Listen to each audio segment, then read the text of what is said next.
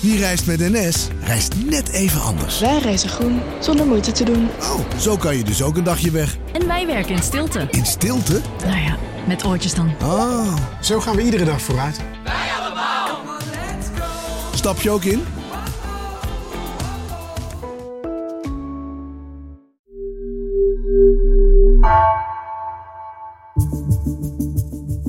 Vanaf de redactie van NRC het verhaal van vandaag.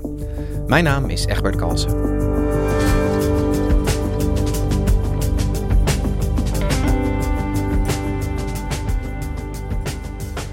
Terwijl hun land al meer dan een jaar in een oorlog met Rusland verwikkeld is, werken Oekraïense rechters aan de hervorming van de corrupte rechtsstaat.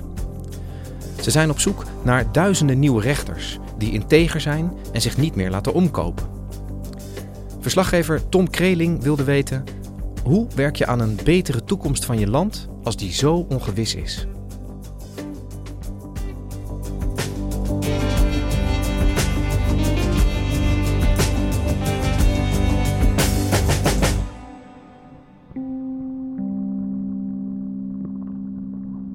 Een aantal weken geleden heb ik uh, de Oekraïense rechter Yevgen Misintsev ontmoet. Hij verblijft momenteel in een, een luxe hotel in Warschau. Voor een rechter is het een vrij opvallende verschijning, Yevgen. Een, een grote man, stevige, stevige armen, stevige benen, uh, opgeschoren haar. hij heeft ook een, een, behoorlijk aantal tatoeages. Yeah, it's Scandinavian tattoos maybe it's not um, давайте краще українською. Я маю татуювання скандинавської тематики. Een hele hartelijke man. Dus die kwam op me af en die had een heel mooi speeltje wat ik nu ook bij me heb hier. Uit het Oekraïense leger. Daar staat het wapen van Oekraïne op. Uh, en, en ja, de weegschaal. En het blauw en het geel van Oekraïne. Uh, en toen zei hij voor de grap: ik probeer nu meteen om te kopen. Jevgen die zit in Warschau uh, om vanuit daar de rechterlijke macht in Oekraïne te hervormen en de corruptie aan te pakken. Ja, de, de, de rechterlijke macht hervormen in Oekraïne. Ik bedoel, dat, dat land is in oorlog. Dat klinkt mij redelijk opmerkelijk in de oren.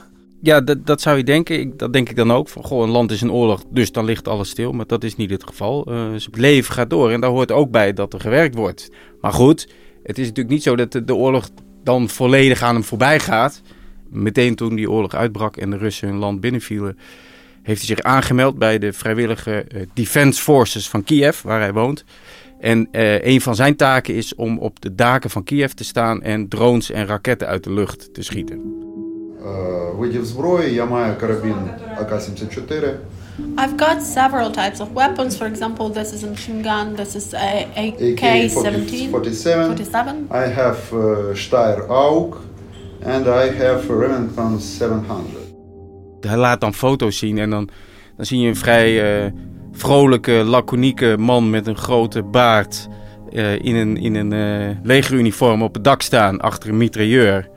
En dan staat hij glimlachend de camera in te kijken. Dus dat doet hij twee dagen in de week. Ja, naast zijn werk als rechter.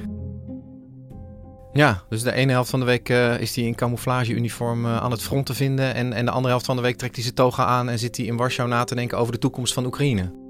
Ja, dat, dat is af en toe ook wel lastig, vertelt hij zelf. Als hij dan in Warschau zit, dat, dat hij dat af en toe moeilijk vindt. Dus hij checkt elke keer zijn telefoon van, goh, zijn er raketaanvallen? Uh, zit mijn familie in de schuilkelder? Uh, zijn ze veilig? Hij zegt, ja, en dan zit ik hier in dat hotel uh, waar alles goed geregeld is. Waar hij uh, een maaltijd kan bestellen, het zwembad in kan duiken als hij een, een lange dag heeft gehad. En hij zegt, dat voelt af en toe gek. Перебування в Варшаві сприймається як курорт. Um, I perceive my stay in Warsaw as a kind of a resort, staying at the resort. Like vacation or like some pleasure place. Het is alsof, alsof ik op vakantie ben, terwijl um, er in mijn land gevochten wordt. Um, maar tegelijkertijd zegt hij, ja, ik zit hier voor een hele belangrijke taak. Namelijk het hervormen van de rechtelijke macht van de Oekraïne. Wat uh, cruciaal is voor de toekomst van het land. Tom, um, wat, is er eigenlijk aan de hand met die rechtelijke macht in Oekraïne? Waarom, waarom moet dit nu worden aangepakt? Nou ja, het is niet zo dat ze daar uh, opeens mee bezig zijn. Oekraïne probeert dat uh, al jaren te doen. Maar door de oorlog is dat wel in een stroomversnelling geraakt. En proberen ze nu echt grote stappen te zetten. Omdat ja, eigenlijk gewoon gebleken is en, en al jaren duidelijk is dat, dat de macht daar behoorlijk corrupt is. Een van de rechters die ik ook heb ontmoet in Warschau is Ivan Mischenko, 41-jarige rechter. Echt een man met idealen. Ik sprak hem in een eh, restaurant in Warschau. En die vertelde over die cultuur van corruptie. Het, het, het oude systeem van de Sovjet, zoals hij dat noemt. Waarin hij ook is opgegroeid. En waarin je, ja, die corruptie echt verankerd is. Most of the judges, they received their education in the Soviet Union. They were born in the Soviet Union. But that Soviet mentality, it influences them a lot. Het elkaar dingen gunnen, uh, luisteren naar je superieuren, uh, ja, je laten omkopen, et cetera. Nobody says to you, I give you a lot of money, blah, blah, blah, blah, blah. They say, oh, it's a very important case. Please have a look. What do you think? Have a second look. Have a third look. Dus jij wil een gunstige uitspraak, of je hebt een, uh, een gunst nodig, of je wil dat een zakenpartner juist een, een, een negatief vonnis van de rechter krijgt. En dan, ja, dan schuif je met geld, of met, met uh, auto's, of met huizen. Against somebody powerful, against somebody with money, or the guy who, who could influence the, the, the judge, it was almost impossible to win wat die Oekraïne schetsen is dat uh, de rechterlijke macht heel lang, eigenlijk tot voor kort, ja, dat, dat rechters werden gezien als hooggeplaatste figuren. Dat was een prestigieuze baan. En die pronkten zelf ook met hun bezit. Dus auto's, uh, dure horloges, uh, maatpakken. Je was iemand, je had invloed, zo werd dat ook gezien. En die invloed was niet altijd zuiver. Je merkt ook bij de jongere generatie in Oekraïne dat, dat die echt de blik naar het westen gekeerd heeft. En om bij de EU te horen wat ze willen, ja, daarvoor weten ze, we moeten ons land gewoon eh, hervormen, opschonen. En het, de wetten en regels moeten voldoen aan uh, de moderne tijd. Worden ook getoetst aan uh, de, de, de EU-regels. Um, maar ze willen gewoon een eerlijk land, een transparant land. Waarbij, waarbij beslissingen op een heldere en transparante wijze genomen worden. En het niet afhankelijk is van of je de juiste mensen kent of uh, de juiste rekeningen hebt betaald. Ja, dus, dus zowel vanuit het land zelf als vanuit die wens om toe te treden tot de Europese Unie uh, wordt die rechterlijke macht uh, hervormd. Welke stappen hebben ze al gezet de afgelopen jaren? Nou, een van de stappen die gezet is, is bijvoorbeeld het verhogen van de salaris van rechters. Het idee daarachter is van als je nou die rechters maar genoeg betaalt, dan hoeven ze niet uh, on the side nog allerlei snabbels te doen of uh, hun zakken te vullen. En een ander ding wat ze hebben is het zogeheten transparantieregister. Um, en dat gaat vrij ver. In dat register moeten alle uh, mensen van de rechterlijke macht hun bezittingen opgeven. Dus uh, auto's, huizen, cashgeld, spaargeld. En die registers zijn voor iedereen toegankelijk. En een belangrijke stap die ze nu zetten, waar ze nu mee bezig zijn, is het vormen van een selectiecommissie. Zij selecteren dus kandidaten die uiteindelijk de HR van de rechterlijke macht in Oekraïne gaan vormen. Zodat ze straks met een, een, een integere HR uh, ook integere nieuwe rechters gaan benoemen. Die selectiecommissie bestaat dus onder meer uit uh, en Ivan, die Oekraïense rechters die ik uh, in Warschau heb ontmoet. Maar daar zitten ook drie buitenlandse leden in. Een gepensioneerde Amerikaanse rechter, gepensioneerde Canadese rechter. Dat zijn mensen met echt een lange staat van dienst. En ook een Nederlander, de advocaat Robert Hein Broekhuizen, voormalig officier van justitie. Uh, bekend onder meer van de vastgoedfraude. Ja, hij was ook uh, lid van die commissie. Het grappige, een Nederlander in zo'n uh, in zo'n Oekraïnse commissie. Hoe, hoe, is hij daarin terechtgekomen? Ja, hij is voorgedragen door iemand van de Wereldbank. En op die manier benoemd. Ja, dat was voor mij ook wel, ik zou zeggen, even wennen, om het zo te zeggen. Normaal gesproken zit ik natuurlijk in Amsterdam in mijn kantoor met mijn collega's zaken te behandelen dan ga ik niet online uh, sollicitatiegesprekken houden met 64 Oekraïners. Nee, dat lijkt me wel voor de hand liggen. Nee, het was een totaal nieuwe ervaring. Die selectiecommissie die moet uiteindelijk uh, 16 mensen benoemen... die de komende jaren ongeveer 2000 rechters in Oekraïne gaan benoemen. 2000 rechters, dat uh, klinkt als ontzettend veel. Ja, dat klinkt als heel veel, maar dat valt wel mee. Kijk, het land heeft nu rond de 5000 rechters. Uh, er moeten er 2000 benoemd worden. Dat heeft er ook mee te maken dat door dat hervormingsproces ze de afgelopen jaren geen rechters benoemd hebben. Want ze willen gewoon zeker weten, de rechters die wij nu gaan aanstellen voor, uh, voor de toekomst, die moeten eerlijk en integer zijn. Dus de mensen die jij in Warschau hebt ontmoet, die, die zijn zeg maar belast met het selecteren van die HR uh, voor de rechterlijke macht. Hoe, hoe zijn zij te werk gegaan? Ze hebben eigenlijk een soort open sollicitatie, uh, open vacatures uitgezet. En ja, daar melden zich heel veel mensen voor aan, omdat het ook een vrij prestigieuze baan is. Dus er waren ongeveer 300 kandidaten die zeiden, ik heb hier wel zin in.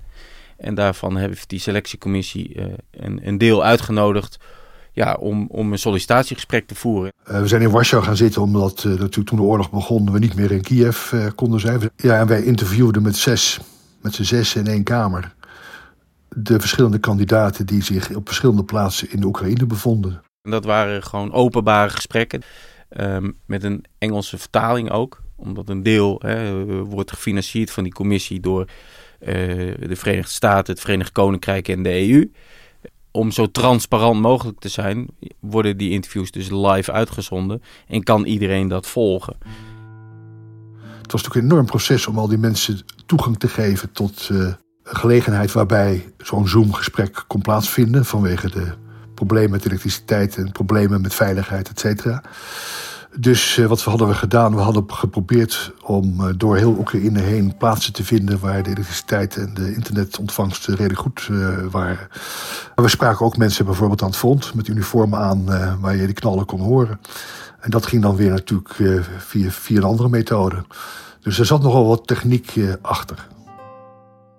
Het waren gewoon openbare sollicitatiegesprekken waarin ja, werd gevraagd naar hun motivatie. Wat is er mis met de rechterlijke macht? Is er überhaupt volgens jou iets mis met de rechterlijke macht in Oekraïne? Uh, mensen zeiden ja, ik hoor wel dat er wat mis is met de rechterlijke macht, maar ik heb het zelf nog nooit meegemaakt. Uh, wat wonderlijk is als je al twintig jaar daar rondloopt en het land doordrongen is van corruptie. Uh, maar er werd ook bijvoorbeeld gevraagd naar ja, wat, wat zijn nog jouw banden met Rusland? dat is natuurlijk iets wat nu enorm aan de orde is en wat heel pijnlijk en gevoelig is. En er was bijvoorbeeld een kandidaat die in de Afghanistan-oorlog met Russen heeft gevochten. Uh, hij was gewoon onderdeel van het Russisch leger. Ja, daar heeft hij uh, vriendschappen opgebouwd. Mensen met wie hij gevochten heeft, dingen heeft meegemaakt. En uh, ja, al die jaren contact mee gehouden. Daar ging hij mee op vakantie en vistripjes. En dan werd er gevraagd, ja, zie je die mensen nog? Ga je daar nog naartoe? Daarnaast waren er opmerkelijke kandidaten. Bijvoorbeeld een, een wat oudere man. Die zei dat zijn beslissingen met name werden ingegeven door God. Uh, lijkt me niet heel transparant qua besluitvorming.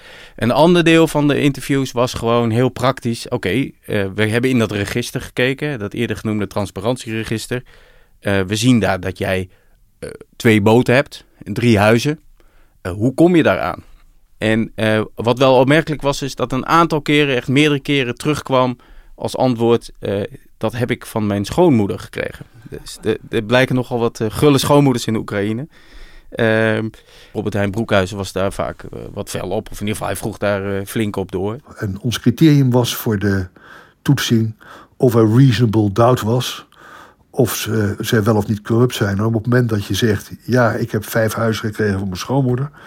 Ja, dan vind ik dat er reasonable doubt is. En dan, zou ik, dan heb ik tegen die kandidaat gestemd.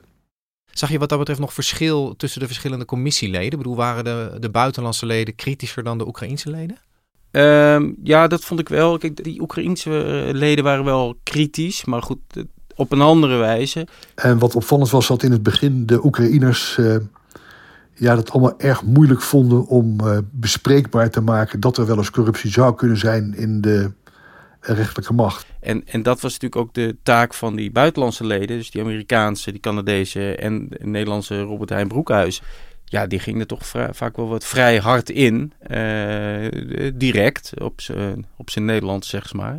Ja, er waren heel veel discussies. Wat, het, uh, wat ik heel bijzonder heb gevonden, is dat de Oekraïners in de loop van het proces dat we hebben doorgemaakt, we hebben twee jaar lang intensief samengewerkt, wekelijks vergaderingen gehad, wekenlang samen in hotels gezeten dat uh, zij uh, ja, echt zijn begrijpen waar, uh, wat er nou fout aan is. Zij zijn dus in hun standpunt enorm mijn richting opgeschoven. En het idee was wel dat als de stemmen staakten of ze kwamen er niet uit, dan hadden die buitenlandse leden een vetorecht. Wat was de oogst? Hoeveel mensen zijn er uiteindelijk in die commissie terechtgekomen? De oogst viel wat tegen. Uh, ze moesten dus 16 rechters benoemen. Um, ja, dat is niet gelukt. Ze hebben uiteindelijk 10 kandidaten aangedragen. Nou dan kun je zeggen, uh, dat is jammer, dat is niet goed. Uh, ze hebben niet genoeg. je kan ook zeggen, ze hebben hun werk heel goed gedaan en heel streng geselecteerd. En ja, de lat gewoon heel hoog gelegd. En gezegd, jongens, hier heb je de 10, dit zijn de beste. Dus er wordt nu heel veel tijd en aandacht en energie gestoken in het aanpakken van de corruptie binnen die rechterlijke macht. Maar is, is daarmee het hele corruptieprobleem van Oekraïne dan ook opgelost? Ja, dat zou mooi zijn, maar zo werkt het niet. Uh, kijk, wat Jeffjen bijvoorbeeld ook zegt is, uh, ja, die corruptie die zit in alle lagen van, van onze samenleving. Die is echt ingebakken in het, uh, het hele systeem.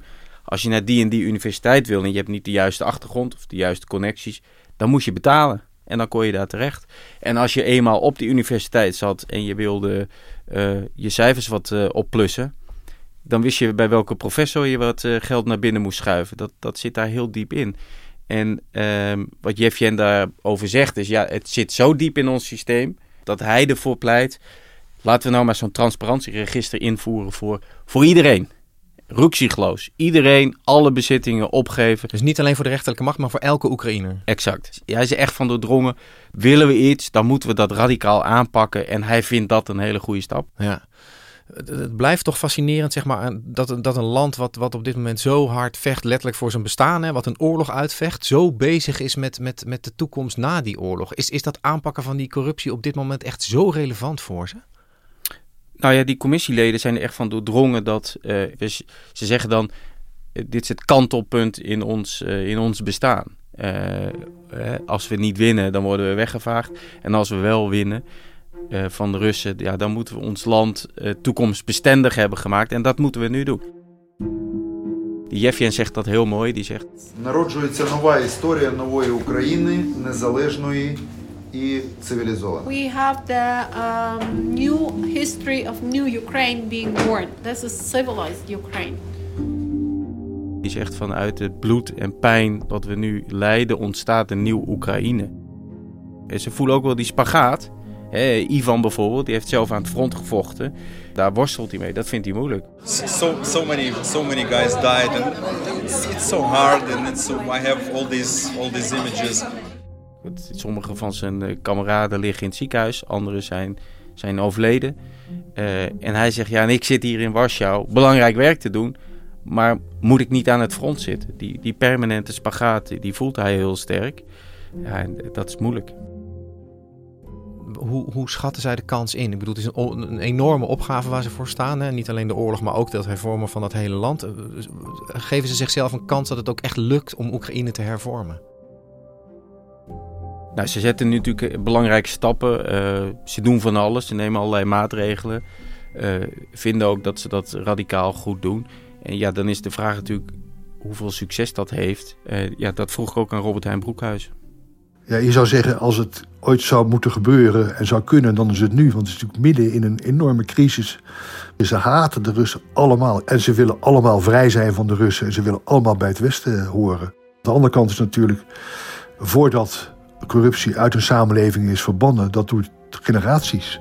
Dus wat wij doen, ja, als ik daar cynisch over ben, dan ja, is dat een druppel op de gloeiende, plaat. En gaat dat nog een hele tijd duren. Wat mij opviel was dat de mensen heel veerkrachtig zijn en met heel veel hoop. Um, wat tegelijkertijd ook wel moet. Want als je door wil in deze omstandigheden en je wil dit werk kunnen doen, uh, ja, dan moet je hoop hebben. Want als je die niet hebt, dan, dan houdt het op. Dus, dus ja, zij zijn uh, van overtuigd dat het gaat lukken en dat dit zin heeft en dat hieruit uh, zulke stappen worden gezet dat daar straks een veel betere Oekraïne uit voortkomt. Dankjewel Tom. Graag gedaan uh, Egbert.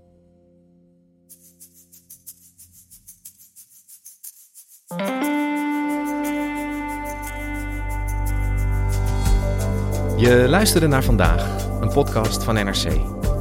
Eén verhaal, elke dag. Deze aflevering werd gemaakt door Esme Dirks, Nina van Hattem en Stef Visjager. Coördinatie Henk Ruigrok van der Werven.